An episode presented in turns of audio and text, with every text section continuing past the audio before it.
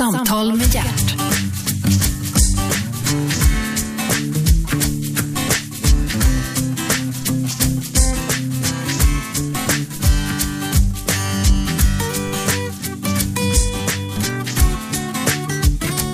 God morgon, hjärtligt välkomna till Radio 1. Programmet heter Äntligen. Jag heter Gert Fylking och gäst är Anders Tengner. Välkommen. Tack ska du ha Gert. Du, eh, hur är det med ditt namn? Uttalas det Tengner eller Tengner? Ja, du sa ju rätt faktiskt och det blir man ju nästan imponerad över. Trots att jag har varit eh, lite så här i, i media i snart 30 år så säger ju alla Tegnér. Varför det? Ja, därför att de tror att jag är släkt med Alice eller Esaias, jag. Alltså det, det är till och med så att när jag ringer taxi till exempel, hur var namnet? Tegner. Då rättar de mig och säger nej. så att det är alltså Anders Tegner. Anders Tengner. Inga apostrofer. Men vem är då Anders Tengner? Det finns ju en del Anders Tengner, men det är en väldigt speciell Anders Tengner. Eh, du är Sveriges mest, eh, ja, mest rock... Eh, samlare, eller vad ska man kalla det för? Ja, jag, vet inte, jag har ju samlat på alla möjliga saker, men det är väl kanske mest så att jag blev uppmärksammad för att jag var den första som började skriva väldigt mycket om hårdrock i, I media. i, i media och även visade i tv. Jag var ju först i, i Sverige med att ha hårdrockprogram på tv 1984. Ja, och då var ju hårdrocken, då var det ju verkligen hårdrock på den tiden. Då var det riktigt klassisk hårdrock, ja. Då, då var det We Rock med Dio och Iron Maiden och Kiss. Och det var riktigt roligt var det Och faktiskt. Kiss var ju farliga.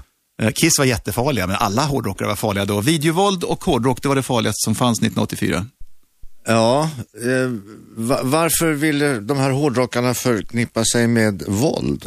De förknippade sig inte lika mycket med våld som vi faktiskt eh, så här i efterhand har fått för oss. Hårdrocken när den kom var ju en progressiv rockmusik och de, de var väl mera lite pårökta och långhåriga egentligen. Okej. Sen, sen kom ju Black Sabbath och plockade in lite upp och nervända kors och sådana här saker och det var lite dystert och lite djävulen och sånt där. Eh, och Alice Cooper började halshugga sig på scenen för att göra effekter och sånt. Och sen kom Kiss och började dregla blod. Och det var ju han mera som en demon och vampyr. Allting var ju som en stor serietidning, som en stor rockteater på något sätt. Ja, det, var ju, det var ju blod i många filmer innan, innan hårdrocken plockade in det på scenen. Eh, så att egentligen var det väl Wasps fel att man bara tänk, tänka på att det var lite våldsamt. De, Men, men eh, låt oss dra klockan tillbaka, eh, tiden tillbaka lite grann. När, när kan man definiera, när började hårdrocken? Vi har bestämt oss för, vi som då har forskat lite grann och blivit doktorander i ämnet hårdrock, att 1968 får ändå sägas som hårdrockens eh, första år. Vilket var det bandet som, Ja, då kom ju Deep Purple, då kom Led Zeppelin och då kom Black Sabbath med sina första skivor.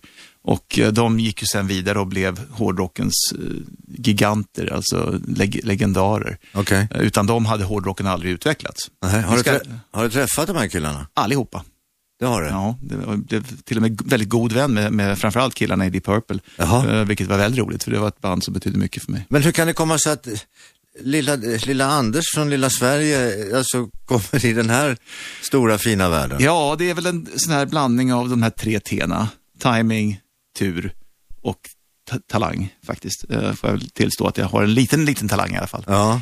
Ehm, och sen var jag envis som tusan. Eh, Egentligen stod det inte alls skrivet i stjärnan att jag skulle komma hit. Jag kommer från en fullständig medelklassfamilj där ingen varken skrev eller försökte bli någonting. Eller pappa var ingenjör och mamma var sjukhussyster. Och, eh, det fanns ingenting som sa att jag skulle gå vidare och bli åtminstone mediamänniska. Nej, men nu är du det trots allt. Jaha, det har jag varit eh, ända sedan jag var 16 år. Och nu har du skrivit en bok. Nu har jag skrivit en bok, ja. Som Och heter? allting började med en fanklubbstidning med The Runaways. Ja, men du, vi, vi, vi, vi ska återkomma till, till, till dina göranden och låtanden. Men du är alltså, du, du måste ju haft ett intresse för det här och eh, med musiken och lyssnat och tyckte att det var kul och häftigt med den här musiken ändå. Det var precis så jag eh, närmade mig hela musikjournalistskrivandet. Det var ju att jag var fan från början. Jag, jag upptäckte hårdrocken på biblioteket i Vällingby när en gammal gråhårig tant kom och satte deras skiva Burn i händerna på mig och sa du verkar ha långt hår, du, du ska lyssna på det här. Och jag hade knappt hört hårdrock innan. Uh, och satte på den här och satt och spisade skivor på biblioteket där. Och när den här gitarren kom och trummorna och Hammondorgeln och alltihopa, då, då kapitulerade jag. Men det var ändå var det faktiskt Kiss som då nästan samtidigt var ännu häftigare och räckte ut tungan och hade smink och sådär. Det var Alice Cooper. Allt det där kom ungefär samtidigt och jag förstod ju att hårdrock, det är ju min musik. Den, varför heter det hårdrock? därför att den inte är så mjuk. den är ganska tuff. Och, eh, Det är fram- inte Beatles och... Nej, det är inte. Beatles. Faktum är att, att en del tycker faktiskt att Beatles touchade på hårdrock eh, när de spelade in eh, Revolution. För det, det handlar ju om att gitarrerna är distade. Mm-hmm. Att du får fram ett distat gitarrljud, att du får de här koden som, som uh, ringar ut och inte är, inte är, är plockade och, och nästintill akustiska som de var innan man började dista gitarrerna. Och, och, Vad betyder det att dista? Ja, det är att det, ett, ljudet är överstyrt. Okay. Att du får, eh, och, och hela 60-talet egentligen så var det ju inte det, utan då var det ju ett, ett rent gitarrljud som var förstärkt eh, elektriskt. Ja, men, ja, det men, det var, men det var ändå rent. Du, nu kan jag berätta för dig, jag har ju sett The Beatles, eh, The Beatles vid två tillfällen. Star Club Hamburg. Det är tufft att ha gjort ja, det. det är hårt. Det, det är credit. Ja, det är credit. Men då var det ju inte Beatles som Beatles kom att se ut så småningom när de kom till Johanneshov när jag var där och tittade på ja, dem. det är nästan ännu större credit. och då, ja, då, då minns man ju de här, vi pratade om de här förstärkarna och de här högtalarna och det de hade med sig. Det är i princip vad folk har hemma i vardagsrummet idag. Ja. Eh, Stämmer det som de sa att när publiken skrek så hörde man alltså inte vad bandet spelade? Så var det. Mm. Ja, men det, det, det, är ju en, det är ju en häftig stämning. Va? Det, Absolut. det, är ju en, det är som att gå på fotboll. När fotboll är tråkigt, ja, då, då hör man någon bonk så slår de till bollen. Men jävlar, Jag sen hörde- när folk börjar jubla, då hörs ju ingenting av spelet så att säga. Robert Plant från Led Zeppelin berättade för mig att eh, i, i det tidiga eh, skedet så hade han alltså ingen medhörning på scenen, utan han hörde bara sin egen röst ifrån PA då.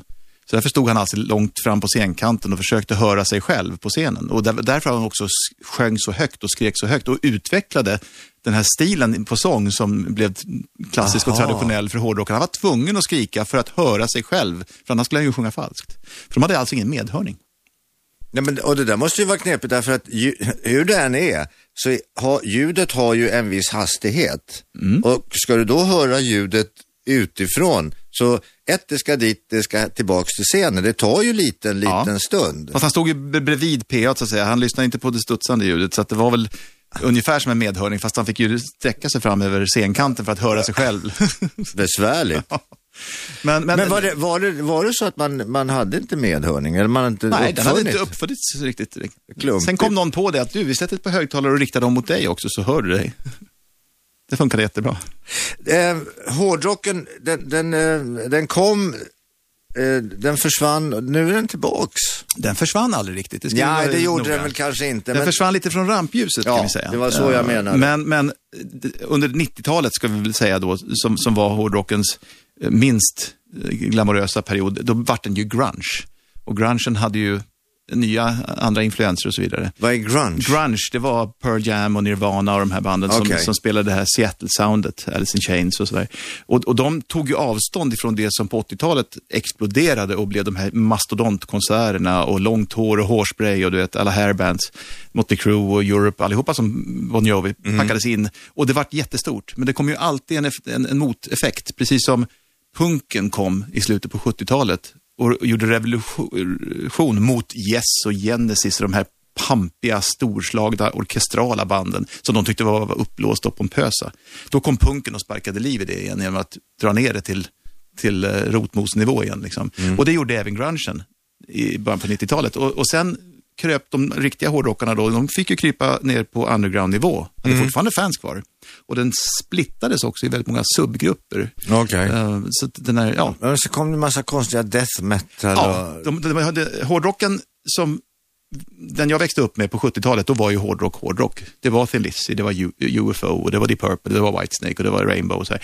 Allihopa var hårdrock och ingenting annat. Liksom. Sen började metal komma, Judas Priest och så här. Så det var lite hårdare och lite vassare gitarriff. Så började man tänka, ha det där är metal och det där är hårdrock. Och, och sen var det hur många subgrupper som helst. Men sen kom Europe. Ja, Europe, det, det, det var ju eh, en effekt av den melodiösa hårdrockens entré i mitten på 80-talet. Ja. Men de blev ju gigantiskt stora. Ja, enormt. Det, var ju, det var ju ett av de absolut viktigaste banden för 80-tals... De blev ju så stora så de till och med inte kunde bo kvar i Sverige av skattetekniska skäl. Ja, det där säger ju många om vad som egentligen föregick. De, de, eh, de, de vart ju liksom lite inlurade där av sin, sin duktiga manager som, som eh, såg det som en bra grej att skatteskriva dem där och eh, det, det gick ju kä- käpprätt åt helvete i alla fall. Liksom. Så att det där fick de ju sota för många år efteråt. Ja, det, men man ska vara viktig med det. Du lämnade väl in deklarationen häromdagen? Han var så duktig så. Ja, det är bra. Man ska vara duktig med det. Det bygger nämligen vårt svenska välstånd på att alla lämnar in sin deklaration och betalar skatt. Ja, ja. Det har jag stora gjort. Det har jag gjort i hela mitt yrkesliv. Ja. Du, du, började, du började skriva, du var 16 år. 16 år eh, så började jag skriva, först i fanclubstidning som jag startade själv för det här tjejbandet The Runaways. Okej. Som var det första tjejhårdrockbandet. Eh, en av tjejerna där var Joan Jett, som sen fick en, en, en jättehit med eh, I Love Rock'n'Roll. Hon I Love Rock'n'Roll.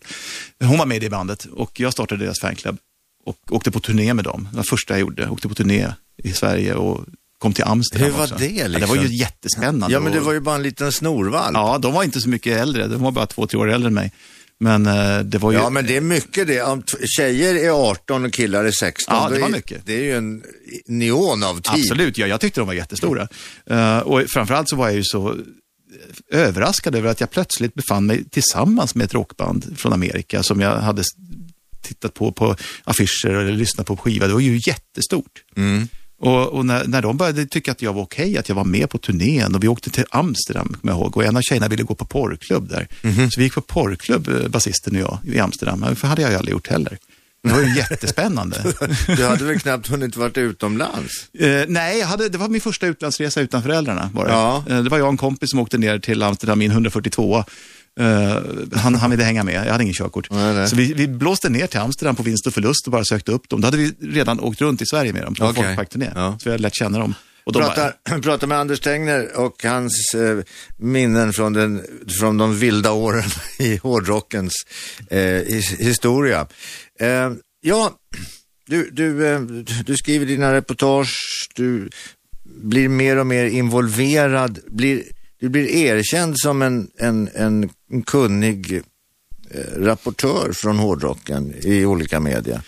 Ja, jag började skriva på tidningen Poster först. Okej. Det var den första riktiga tidningen som jag fick någonting Men det publicerat var väl i. ingen tidning, hallå? Nej, det var mycket affischer, men på baksidan på affischerna var det faktiskt artiklar. Jaha, så att man får missa att det var både en affischtidning och en lästidning. Det var Ja. ju den jag växte upp med. Det var den som formade min musikvärld. Och i- smak Ja, och kanske smak. ja. Du vet, att köpa den och man fick eh, kissaffischer som kunde täcka hela rummet på ett nummer bara. Eh, men artiklarna som stod där i var, var absolut inte att underskatta. Men, Framförallt som du hade skrivit några Ja, det- började med att jag gick upp dit och skulle få dem att trycka min fanklubbsadress. Eh, och chefredaktören där, Hans Hatvik, som hade startat tidningen, han satt ju i en skrubb eh, med sin fru och jag trodde det här skulle vara jätteglamoröst, det var det inte alls. Och då sa han bara, kan du skriva, vad bra, vi behöver någon som skriver. Så han ville skicka iväg mig på en Blue Oyster Cult-konsert för att komma med en recension. Okej. Och då hade jag ju fått mandat att vara journalist tyckte jag. Så att då ljög jag mig in backstage, kom in till bandet, gjorde en intervju med dem och kom tillbaka med både en intervju och en konsertrecension. Och det tyckte han var driftigt. Ja, men nu har du ju skrivit, nu har du skrivit en bok här, eh, Anders Tengner, som heter Ac- Access to all Areas. areas, Access all areas. Ja, det betyder ju att man får gå vart man vill kan man säga. Och det stod ju på de här backstagepassen som var så åtråvärda. Ja. Och det stod det, på det finaste passet, det som tog det ända in i logen. Så man kunde gå vart man ville. Det stod det alltid access all areas på, eller all access. Och ja, det var ju det jag fick till slut. Jag var ju verkligen bakom scenen med alla artister under 30 år. Äntligen! Samtal med hjärt.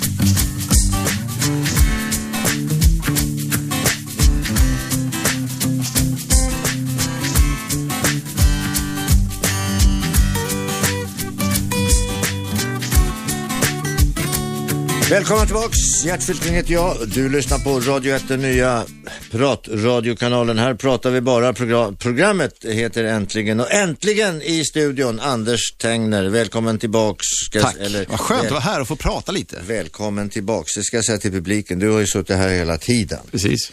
Du, eh, Anders Tengner, vi pratade precis om, om att du har kommit med en bok, en stor tjock bok med mycket bilder. Och mycket text, 500 sidor. 500 sidor, du skäms inte för dig. Nej.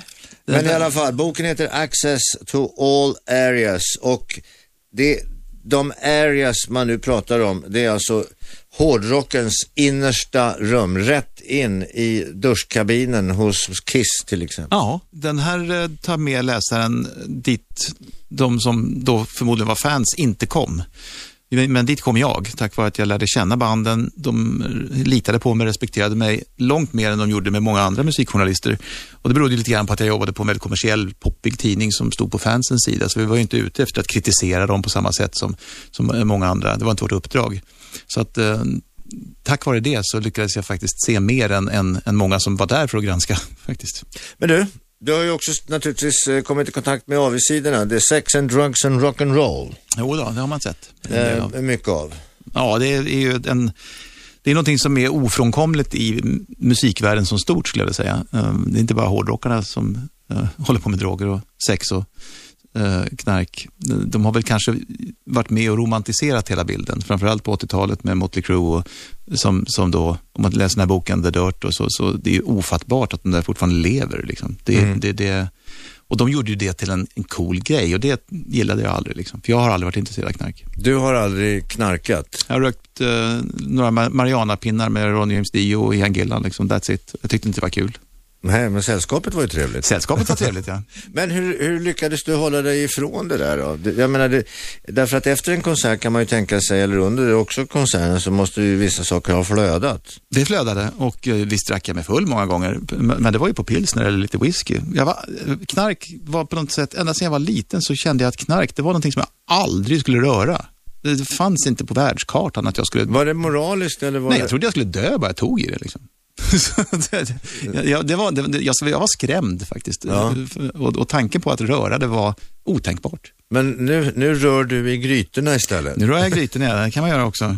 Men du, du, eh, du sa till mig här under reklamen och nyheterna här att du överhuvudtaget aldrig har köpt ett halvfabrikat i princip. Nej, nästan inte. Jag har lagat all mat jag äter själv i hela mitt liv. Men eh, all mat? Ja, inte all mat. Nej, men jag menar du står inte och pressar fram korven och... Nej, riktigt så illa. Jag, det, det, är ju en sanning med modifika- modifikation förstås. Men ja. ska jag göra en sås till biffen, vilken sås det än nu må vara, så gör jag ju den. Jag reducerar två flaskor rödvin till en rödvinssås och jag slår min egen eh, bearnaisesås och hollandaisesås på rätt sätt. Och långkok kokar jag och ska jag ärtsoppa, då kokar jag min ärtsoppa. Ja, ja. Um, Jag köper inte sådana saker, det, det lagar jag själv. Liksom. Det måste ju ta tid. Det tar tid, men det tar inte så lång tid om man planerar matlagningen. Tryck, tryckkokaren är en mycket, mycket Det underskattad kommer jag ihåg, det hade vi en hemma, en tryckkokare och sen så satt en liten historia uppe på så. Och då kokar du en kalops på 40 minuter istället för två och en halv timme. 40 minuter alltså. Ja, och den står ju bara där. Allt du gör är att lägga köttet Jo, och, men och det ju sen det står den bara idag där. inte fattar, att man faktiskt kan laga hemlagad mat. Ja, men det tar så lång tid. Mm. Ja, men det tar ungefär lika lång tid att förbereda en måltid som det tar för potatisen att koka, det vill säga 20 minuter. Precis. Och sen är det ju så att de här långkoken, de, de lagar man ju inte samma dag man ska äta dem. Det tror ju alla, att man måste laga mat samma dag. Du kokar 10 portioner, fryser in och sen har du 10 portioner hemlagad kalops. Mm, det är underbart. Men då måste du ha utrymme och plats och frysbox och... Ja, man får ju ha en stor frysbox förstås. Ja, vad kärl. Men blir det billigare? Det, ja, det är klart det blir billigare, men framför, det är inte därför. Det är, framförallt är det för att jag vet ju vad, vad allting innehåller. Eh, Det är ju bara bra råvaror och det smakar ju så oerhört mycket bättre då. Mm. Men du, sen har vi det här safta och sylta. Det måste man också göra. Det finns ingenting så gott som en egen hemrörd eh, rårörda lingon eller hemgjord eh, aprikosmarmelad eller eh, saften från jordgubbar. Så man lägger till lite, lite rabarber i också för att få lite, lite mer syre. Fantastiskt gott. Det är så ja. Anders Tegnare. Du låter, du låter som, som en sån här mattant Ja. i, i skolköket Mm. ungefär som ska hålla föredrag. Jag är en långhårig skäggig magtant. Ja, men, men vad tycker då, då har, har, du fru, flickvän? Jag eh, blev eh, lämnad av min flickvän utan förklaring för eh, åtta månader sedan och har fortfarande inte riktigt förstått vad som hände. Jaså? Hon ringde upp mig från en dag till en annan. Det sista hon sa till mig var jag har aldrig varit så kär i någon i hela mitt liv. Sen åkte hon hem till Malmö där hon bodde och eh, ringde upp mig och gjorde slut utan förklaring. Bröt all kontakt och eh, sen dess har jag mått rätt men skit. vad, vad, vad, vad hemskt. Ja, det är riktigt hemskt. Så att, eh, ja, nej, jag har inte mått så bra på sistone. I, i, ur ett kärleksperspektiv. Ja, jag har aldrig varit så kär i mitt liv. Nej, men Det var vad- jobbigt. Nej, men, ja, det kan jag förstå. Och du, du har inte, nej? Nej, inget, ingen förklaring i stort sett. Jag, jag vet inte vad som hände. Och det har varit en frustrerande tid, kan jag säga, att försöka hitta svar utan att få några. Ja, Mycket jobbigt. Eh, men jag har en dotter, världens bästa dotter, tio år. okej. Så det är hon och jag som bor med katten och massor med bilar. Ja, med bilar. Vi ska återkomma till det. Du har en, en vurm för eh, framförallt Volvo-bilar. Jag vill höra mer om den där Amazonen om en liten stund. Men du, du lagar mat, du är en hejare på det. Dottern, tycker hon att det är roligt att laga mat? Ja, det gör hon faktiskt. Hon tycker i alla fall om att äta maten. Ja, och, eh, en sån sak. Eftersom jag är en ganska äventyrlig kock i köket och provar på mycket saker så har ju hon fått äta allt från sniglar och sånt till, från och med att hon var liten. Så hon tycker inte att någonting sånt är konstigt. Nej, nej. Och det är roligt. Sen är ju hon förstås pannkaka är det bästa hon vet. Men, men eh, hon äter det mesta man Men, stoppar men in. eh, vad jag, vi lagar, vi lagar all mat hemma i princip som vi äter. Och, och vi äter all mat som vi lagar. Eh, vad, som jag, vad jag tycker är häftigt, det är ju att när det luktar matlagning alltså. Visst blir man glad. Vi har inte ens en mikrougn hemma. Den har sin funktion också i och för sig. Ja, men den har inte vi hemma. Vi har inte den funktionen eller den. Den är ju så bra när man har kokat den här kalopsen och bara kan värma Ja. upp den dagen efter. Ja, absolut, absolut, absolut. Men nu är det så att vi har inte det. Men eh, allting, allting som då lagas, det luktar ju. Mm. Och det stimulerar ju, då blir man ju hungrig. Och, så, och det smakar mycket bättre och allt det där. Du vet att under första världskriget, vet du vad tyskarna gjorde då för att terrorisera engelsmännen när de låg i skyttegravarna i Ypres? Nej. De stekte bacon. För doften av stekt bacon som, Ja, ja. som for fram gjorde alltså engelsmännen som inte hade någon matransoner med sig fullständigt vansinniga och tappade ju stridsmoralen totalt. Ja, men det, du ser, det, har väldigt, det är väldigt bra det där när det luktar gott. Eller dåligt då för engelsmännen. Eh, ja, eh, Anders Tegner har just kommit med en bok, All Access All Areas. Du känner ju varenda jävla kotte inom hårdrocksmusiken. Ja, jag har fall träffat de flesta. Känner ju kanske att ta i, men, men eh, de flesta känner till mig. De stora banden har vi har ju träffat under så många år Ja. och så många gånger, så de, de vet ju vem jag är och mm, många har jag ju fått en personlig relation med också. Så Och du kan bara ringa dem och säga, hej, hur är läget? en del kan jag göra det med, inte alla. Inte alla. Nej. Du, vi ska prata mer om det där. Vi ska prata mer om din vurm. eh, Ja, du, det här med pelag- det har jag inte heller blivit riktigt klok på. Pelargoner, matlagning och veteranbilar, ja det är en eh, eklektisk samling. Och hårdrock. Och hårdrock, ja. Äntligen! Samtal med hjärt.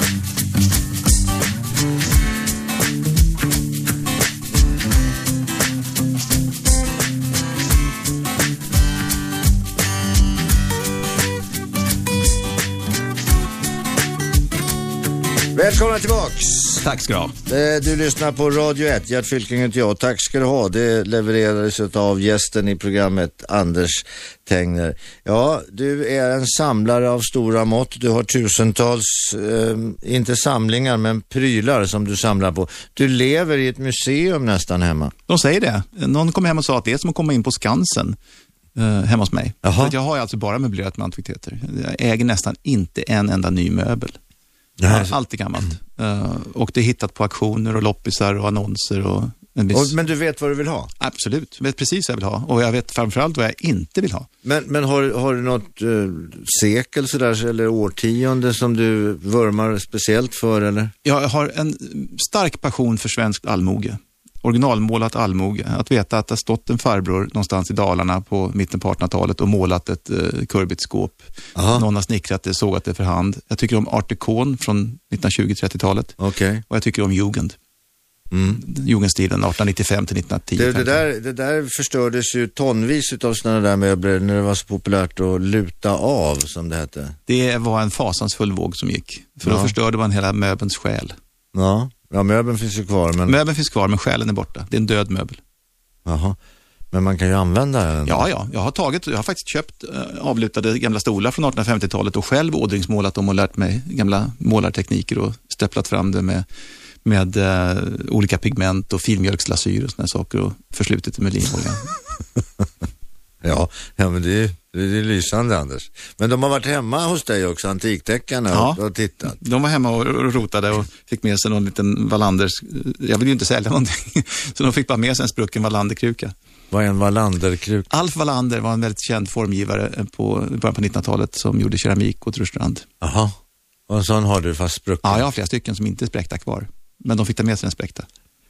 Men det gör ju ditt hem, eh, ja, det gör väl ditt hem inte värdefullt bara för dig utan även värdefullt i största allmänhet. Det kostar ju en slant att hålla på sådär. Ja, nu har jag ju inga Hauptbyråer och sådana här saker, utan de antikviteter jag har är ju inte, tillhör ju inte de här absolut dyra och fina. Nej, du har allmoge, Ja, det som stod hemma hos en var lite grann. Ja, alltså de möbler som jag har köpt som är gamla, de kostar inte mer än att köpa motsvarande typ av möbel ny. Nej. Men eh, de behåller sitt värde på ett helt annat sätt. Den nya möbeln du köper för, sä- säg att du köper ett, ett skåp på Ikea för 8000.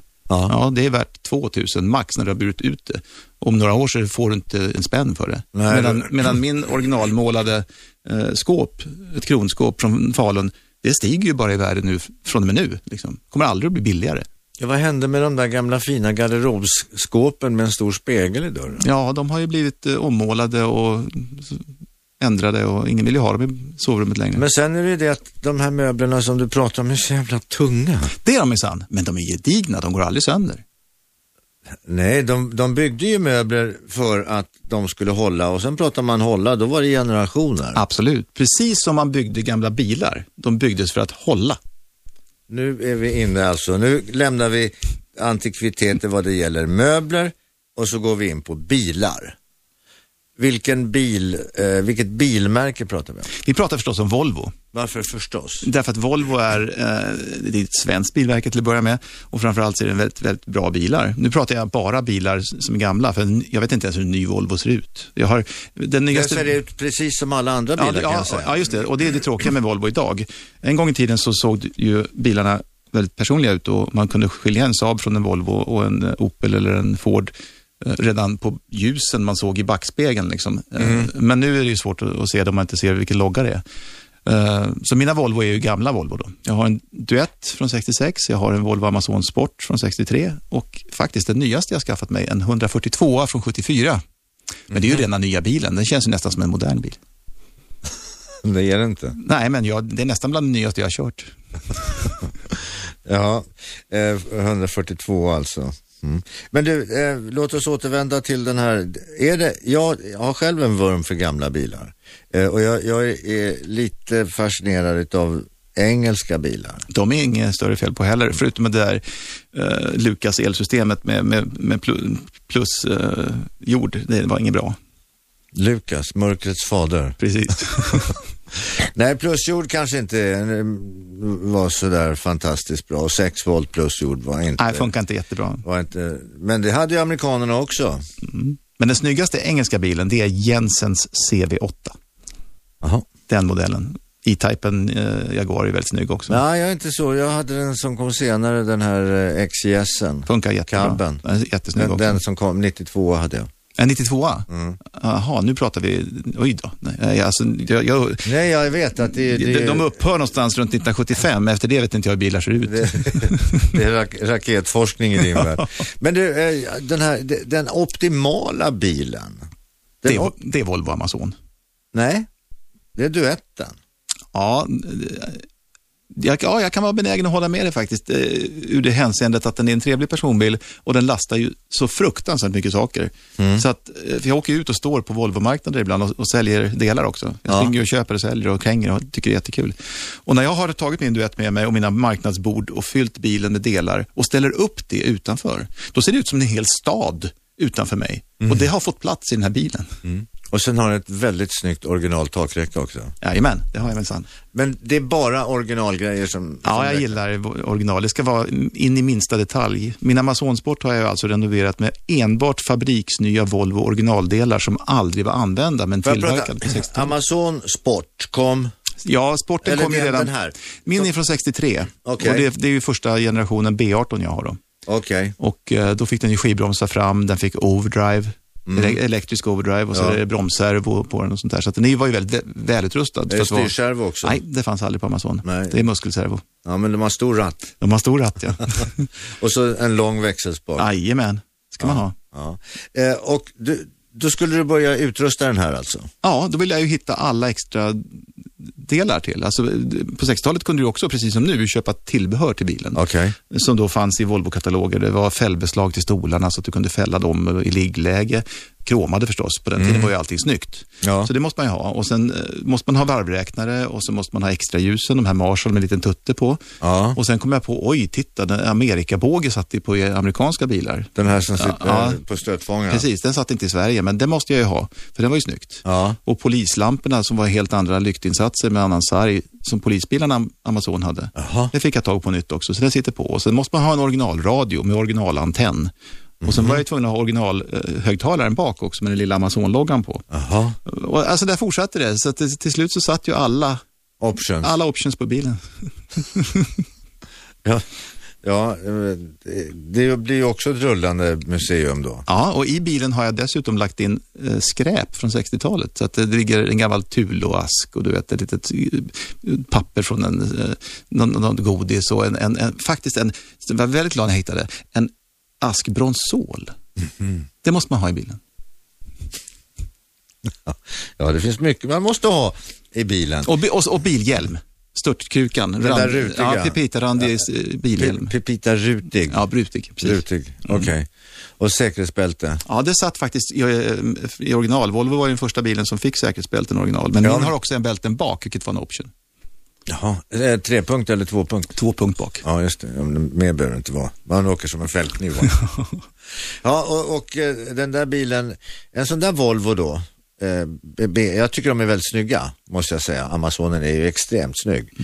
Eh, vad står en sån i då, med alla option? Du kan få en fin Amazon för 20-30 tusen idag. Det finns ganska gott om Amazoner i, bra, i väldigt bra bruksskick. Men kommer du upp till de här GT och Sport och när de är i nyskick och helrenoverade och sådär. Mint som det Ja, mint condition. Då börjar de närma sig 150 upp till 200 000 för de riktigt, riktigt fina exemplaren. Det är så alltså. Mm. Så att om jag vill köpa en Volvo då ska, eh, av lite äldre modell, då kan du komma med som smakråd? Absolut. Eller teknisk så? Ja, ja. Alltså jag, eh, när det gäller Volvo, Volvo Amazon så är det svårt att slå mig på fingrarna. Jag kan skilja en 65 från en 66 med bara en blick och det kan inte så många. Men du, var, varför, varför blev det just Volvo? Det finns ju en uppsjö av andra trevliga bilar. Och jag började faktiskt i bakvänt. Jag började med jänkare. Jag skaffade mig en stor fet amerikanare eh, som jag hade och den sörplade ju soppa men det var ju fantastiskt att åka. Men eh, då ville jag ha en billig vinterbil. Okej. Och då var det någon som sa, men köp en gammal Amazon, den får du för 5 000 spänn. Liksom. Så jag köpte en gammal Amazon. Och det var ju jättebra. Den startade ju och det var bra värme. Och jag gillade den här Amazonen som inte var speciellt snygg. En 62 var det. Eh, Och eh, efter några år så köpte jag en finare Amazon, en 64 från en äldre herre som var riktigt fin, en svart. Och då började jag lära mig lite mer om bilen och förstod att ja, men det fanns en sportmodell också. Och så fanns det i Ja, de här färgerna. Ja, ja. Så till slut så sa jag, nej jag ska ha en Amazon Sport och den ska vara dimgrön. Och sen fick jag ju leta efter den då, för jag skulle ha rätt färg. Dimgrön. Dimgrön är den, grågrön. Och det, Ja, var, jag vet hur den ser ut, men det är ju ingen snygg. ja, och det är den snyggaste Volvo-färgen. Jaha, det är det. Jag trodde den var röd. Ja, det är många som tycker det, men jag tycker dimgröna är snyggast. Så nu skulle jag alltså hitta en dimgrön Amazon från 62 eller 63, för de fanns bara de två åren i den färgskalan.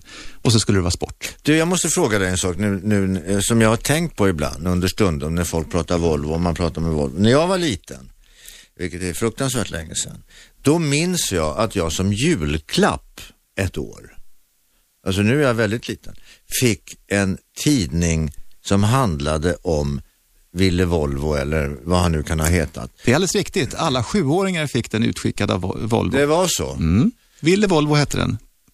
En Den är- det var serietidningsformat, liksom Ja. en serietidning och så var han ute på äventyr och räddade någon prinsessa kanske. Jag vet att det var på den årskullens sjuårsdag som den boken skickades ut. Så, vilket, Nej, vilket, jag, jag, fick den alltså i julklapp så Ja, vitt ja, jag just minns. Så att de höll väl på den Ja, då. det gjorde de då. Men den skickades alltså ut till alla, alla sjuåringar för att de skulle då påverkas och tycka att Volvo var coolt. Ja. Men egentligen så var det, var, då, pratade vi om den här Volvo eh, PV. PVn. Alltså vilken bil det var egentligen. Tänk om de hade fått kommit på att de skulle kunna öppna bakluckan ovanför fönstret. Ja. Tänk att när de byggde den, 47 då när den kom, så trodde de att den skulle bygga en serie på 3000 bilar. Sen fortsatte den byggas till 66. Jo men tänk själv, om, de, om du bara hade få, kunnat lyfta upp Alltihopa där. alltihopa ovanför bakrutan och kunnat ha Då hade du fått en kombi. ja. då hade de ju Eller legat halvkombi. tusen år före alla andra bilar. Det hade de gjort. Men de gjorde ju duetten då, på, det var ju en PV. Ja, det var, ja, visst de gjorde rätten. Sen gjorde de den där misslyckade Expressen. Ja, den kom ju. Det var ju 140-serien som kom. Ja, men den var ju värdelös. Nej, det var, det var riktig skit liksom. Ja. Det, det var ju bara för att alla skrek att duetten skulle vara kvar. Ja. Då var de tvungna att höja taket på Men den. Amazon-kombin då? Kombin var väldigt praktisk och bra. Bra, bra kombi. För den hade ju ett litet steg på kofångaren också som man kunde med, som var gummiklätt som så man nådde kunde- upp på taket. Ja, och sen den här eh, käftluckan, en uppåt och en neråt. Ja. Riktigt roligt. Mycket bra. Mm. Du, nu har vi pratat bilar. Vi ska prata lite rock'n'roll också. Eh, det, Ja, det finns det gott om i den här boken.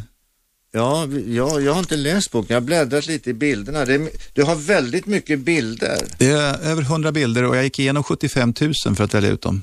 Hur många bilder, förlåt Anders Tengner, hur många bilder har du?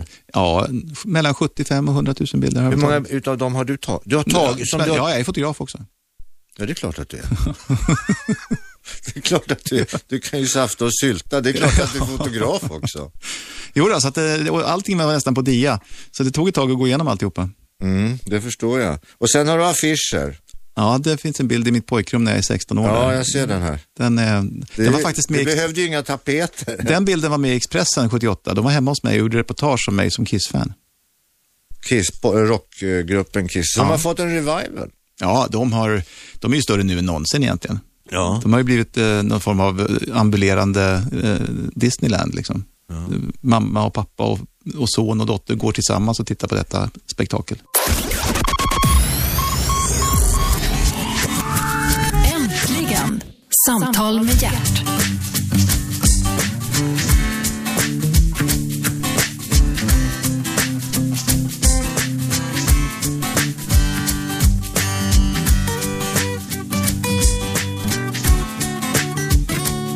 Ja, hjärtligt välkomna tillbaka. Du lyssnar på Radio 1, nya pratradiokanalen. Gert Fylking heter jag. Gäst i studion är ingen mer, ingen mindre än den unike Anders Tengner.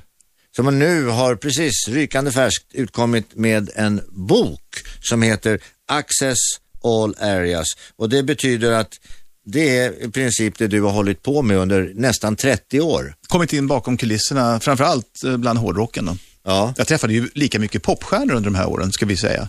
Så att popstjärnor, filmstjärnor, tv-stjärnor, allt träffade jag. Eh, Men jag gillade ju hårdrock, jag var ju hårdrockare. Så det var det som präglade mig. Och, Du började som, som journalist inom citationstecken när du var 16 år. Du fick skriva lite på eh, baksidan på de, den här tidningen som hette Poster. Poster. Och sen blev det okej. Sen blev tidningen Okej, Och den var jag kvar på ända till 2005. för där var du ju chefredaktör. Mot slutet var jag det. Ja, just det. Mm. Eh, som också var en ungdomsmusiktidning. Mm, ja, det var ju Sveriges största under många år. Vi sålde ju 300 000 tidningar i månaden i mitten på 80-talet. Ja, bara en sån sak. Det är rätt mycket. Ja, det är jättebra. Så vi förstörde många generationer där. Ja, Och då lyckades jag ju, tack och lov, vara den som fick åka runt. Jag var ju flygande reporter under nästan 20 år. Mm. Och åkte runt och intervjuade band och plåtade. Och, Du, eh, och nu har du samlat, du har samlat 30 år utav skrönor, sanningar, egna upplevelser, fantasier, allt vad det nu kan vara i den här boken. mm. Får vi ett litet brottsstycke, får vi en liten skröna. En liten skröna? Ja, det beror på vilken skröna vi ska ta. För det finns ju rätt många i den här boken. Eh, jag kom ju faktiskt, framförallt mina idoler, väldigt nära. Och eh, en, en vä- väldigt rolig historia, som är trivsam om man nästan tänker det, det är när jag för första gången blev hembjuden att bo hemma hos en av mina idoler. Ian Gillan från Deep Purple, mannen som sjunger Smoke on the Water. Eh, vi satt och söp på någon eh, bar i Budapest tror jag. Och då hade vi träffats många, många gånger, ända sedan 1980 när jag träffade Okej. första gången. Och han hade lärt känna mig, men vi var ju mest ute på turné tillsammans och gjorde saker. Men han sa, kan inte du komma hem och bara bo hos mig och hänga liksom? Så jag flög dit och han kom och hämtade mig i en- Volvo 245 faktiskt, som han körde omkring i då. Uh, iklädd, iklädd liksom bara vanliga gympakläder och en t-shirt. Ja. Så åkte vi hem till hans stora hus i Leighton Buzzard, som var en engelsk gård från 1800-talet. Väldigt stor, men inte speciellt lyxig. Som ligger var ungefär? Leighton Buzzard utanför Milton Keynes, Som ligger... en bit ifrån London. Okej. Men det är riktigt landet. T- Tänk dig, eh, vad heter de här, eh, morden i Midsommar. Ja. Så såg det ut. Liksom. Det var riktigt idylliskt. Och där bodde han med sin fru, sin sjuåriga dotter och eh, sin svärmor Jaha. i i det här jättehuset. Och jag fick ett gästrum och alltihopa och kom dit. Och det var fantastiskt spännande att bo hemma hos en gammal idol. Det var jättekonstigt att han sa, här är kylskåpet, ta vad du vill och så här. Ja, ja. Och första morgonen när jag vaknade på morgonen, då knackade det på dörren. Och då står hans sjuåriga dotter där utanför med frukostbricka. Så Mm. good morning Anders. Och det var det så nästan surrealistiskt att ligga hemma och bli, få frukost på sängen av idolens sjuåriga dotter. Eh, och sen så, sa- så gick vi ut och hann påta i trädgården och vi satt och drack whisky på kvällarna. Och så var så här asmysigt. Jo, det. men det, det är ju det som, som väldigt många människor glömmer i förhållande till idoler. Att idoler är också vanliga människor. De är ju det, när de, när de, bakom masken. Bakom scenen, efter framträdandet, sen åker de hem till frun och barnen har exakt samma problem, exakt samma fördelar, exakt samma förmåner, exakt samma bekymmer. Allting är exakt likadant som det som, det, det delar de med alla. Precis. Och, och som kom, eh, jag- var först att träffa Bon Jovi. Eh, jag var först att träffa Guns N' Roses av, av europeiska journalister faktiskt. Eh, och eh, var på turné med de här, flög privatflygplan med dem, åkte limousiner, bodde på lyxhotell. Ett tag så tänkte jag, shit, ska det vara så här resten av mitt liv? Det här är helt sjukt. Liksom. Ja. Men eh, det, det tog aldrig slut nästan, jag bara fortsatte. Roligt. Och allt det här har du samlat i din bok. Jepp. Och den kan man köpa. Den finns ute nu ja. Access All Areas, köp den, älska med den. Ja. Förordet är skrivet utav Alice Cooper. Ja, det var en stor ära. Eh, han var ju en av mina absolut första idoler. Han, och Kiss var de viktigaste för mig när jag var tonåring. Och att han ställde upp och skrev ett personligt förord till min bok, det var en stor ära. Men hur fick du honom till det? Jag frågade honom. och Han sa ja. Do you want to, to write a forward in Yes, my book? I will, sa han. Jag har faktiskt haft förmånen att träffa Alice Cooper också. Visst är han en skön snubbe? Ja, otroligt. De börjar bli gamla nu dock. De Han är här. 63 nu. Ja. Ja, Mm. Och det är ju Kiss. Hur gamla är de? ja, de är runt 60 allihop. Ja. I alla fall originalmedlemmarna. ska gamla gubbar hålla på? Hur, och i så fall hur länge? Ja, man håller väl på så länge det är kul. Det var väl ingen som trodde att hårdrockarna skulle bli över 30 liksom. Eh, Nej, bokstavligen trodde man väl inte det som, som det påstods att de levde också. Och det var väl ingen som trodde att Rolling Stones fortfarande skulle finnas som band eh, idag. Nej. faktiskt. Så att, hur länge håller de på? Det är ingen aning. Nej, det, det, det, det, är svårt att se om det. Men ditt koncept, du, du har ju levt i, i, i sfären kring de här och med de här och hos de här och liksom åkt på turné med dem och varit backstage och så vidare och så vidare. Också. Men, men du är ju en hälsosam människa. ja, Jag menar, kan- ja, du, har, du har långt hår, du har en konstig mustasch och det ska man ju ha nu eftersom det är mustaschkampen. ja, ja, det passar ju jättebra Ja. faktiskt. Men det här är Och sen min, har min lite- porrfilmsmustasch. Ja, det är lite Günther över den där. Och sen har du, sen har du någon hårdrock eh, i form av ett öga och sen lite otäcka ringar och något armband. Men inga tatueringar med eh, ormar och jävlar och... Nej, det blev aldrig det. Jag tänkte tatuera, oj, jag, tänkte tatuera in Kiss, Kiss-loggan här när jag var 16 år, men jag gjorde inte det. Det var kanske lika bra att du inte gjorde det. Ja, nej, man hade nog inte skämt för den idag i och för sig. Men... Nej, men det kanske de andra hade, andra, alla andra banden, Deep Purple och Ja, precis. små- Ja, det hade blivit väldigt många logotypes. Ja, Nej, jag har väl skött mig ganska bra faktiskt. Jag har som sagt var inte levt riktigt eh, det livet som jag befann mig i. Jag, jag var en eh, voyeur. Ja, och det kanske var din räddning det. Det, ja, absolut. Det ju, För du måste ju ha sett driver av folk och ner sig. Absolut, och jag träffade och lärde känna rockfotografer och journalister från Amerika Ja. som fastnade i det där. Och jag var hemma hos en kille som var jättetrevlig, ungefär lika gammal som jag och började tidigt, åkte runt och fotade band och vi hängde med varandra och hjälpte varandra. Och han vart ju totalt neddrogad under några år. Alltså han bodde ju i en knarkarkvart liksom. Och det var hemskt att se. Ja, nedförsbacken är Ja, ganska brant. Den, det, det är lätt att hamna i den fällan om man inte passar sig. Alltså. Ja. Men man, man har ju, samtidigt så glorifierar man ju det här med sex and drugs and rock and roll, yeah, yeah, yeah. Mm. Ja, jag vet inte varför jag höll mig borta från det. Jag lyckades. Jag var till och med trogen mot min fru och flickvän under alla år som jag var ute och reste. Anders, tänk dig, ett föredöme för oss alla.